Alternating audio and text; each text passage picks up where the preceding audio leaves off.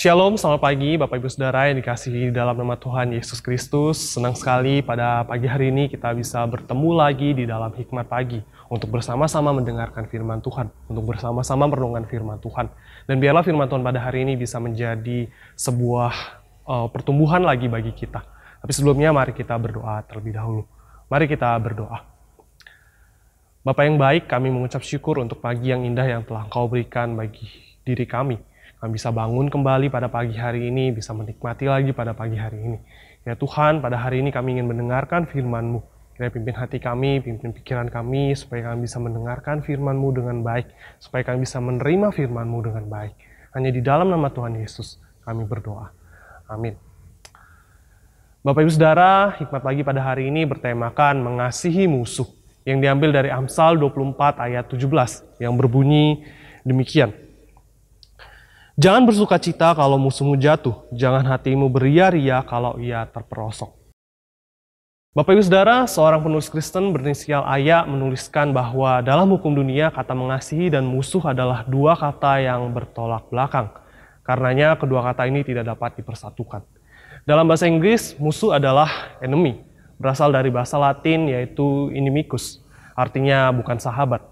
Definisinya jelas, orang yang membenci menginginkan hal yang tidak baik, menyebabkan jatuh, kecewa, sakit, dan sebagainya. Maka nasihat untuk mengasihi musuh bisa dibilang aneh. Sebab normalnya musuh itu mesti dilawan, dibenci, disingkirkan kalau perlu dibasmi. Akan tetapi itulah yang dengan tegas dan jelas diajarkan Tuhan Yesus. Tetapi aku berkata kepadamu, kasihilah musuhmu dan berdoalah bagi mereka yang menganiaya kamu Ajaran mengasihi musuh tidak saja berdimensi teologis berkenaan dengan aspek imani, tetapi juga berdimensi praktis dan logis. Pertama, membenci musuh akan merugikan diri sendiri. Tidak ada orang yang hidupnya bahagia kalau terus dikuasai kebencian terhadap orang lain. Kedua, melawan kebencian dengan kebencian sama dengan melipat gandakan kebencian tersebut. Seperti gelap yang tidak bisa dilawan dengan gelap, tetapi harus dengan terang Bapak saudara, terang walaupun hanya secercah akan sanggup menebus kegelapan. Dengan memahami makna ajaran mengasihi musuh, kita bisa melihat luka tanpa dendam, kepahitan tanpa amarah, kecewaan tanpa geram. Kita memandangnya sebagai kesempatan untuk mengasihi orang lain, untuk berbuat kebaikan. Seperti kata Alfred Plummer, membalas kebaikan dengan kejahatan adalah tabiat iblis Membalas kebaikan dengan kebaikan adalah tabiat manusiawi.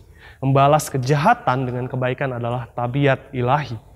Bacaan kita hari ini dari Amsal 24 ayat 17 menegaskan jangan bersuka cita kalau musuhmu jatuh. Jangan hatimu beria-ria kalau ia terperosok.